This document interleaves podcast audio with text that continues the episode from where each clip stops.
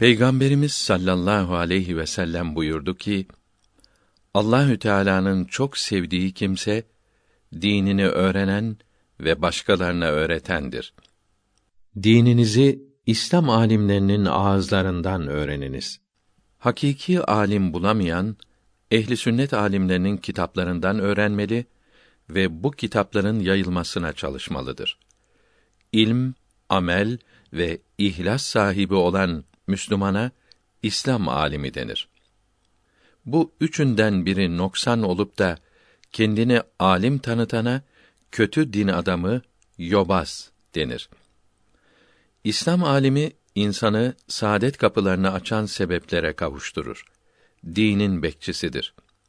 Yobaz insanı felakete sürükleyen sebeplerin içine düşürür. Şeytanın yardımcısıdır.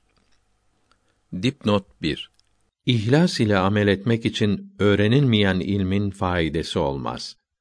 Hadika cilt 1 sahife 366 ve 367 ve mektubat cilt 1 36 40 59.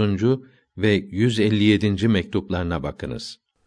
İstiğfar duasını okumak dertlere, sıkıntılara mani olan sebeplere kavuşturur.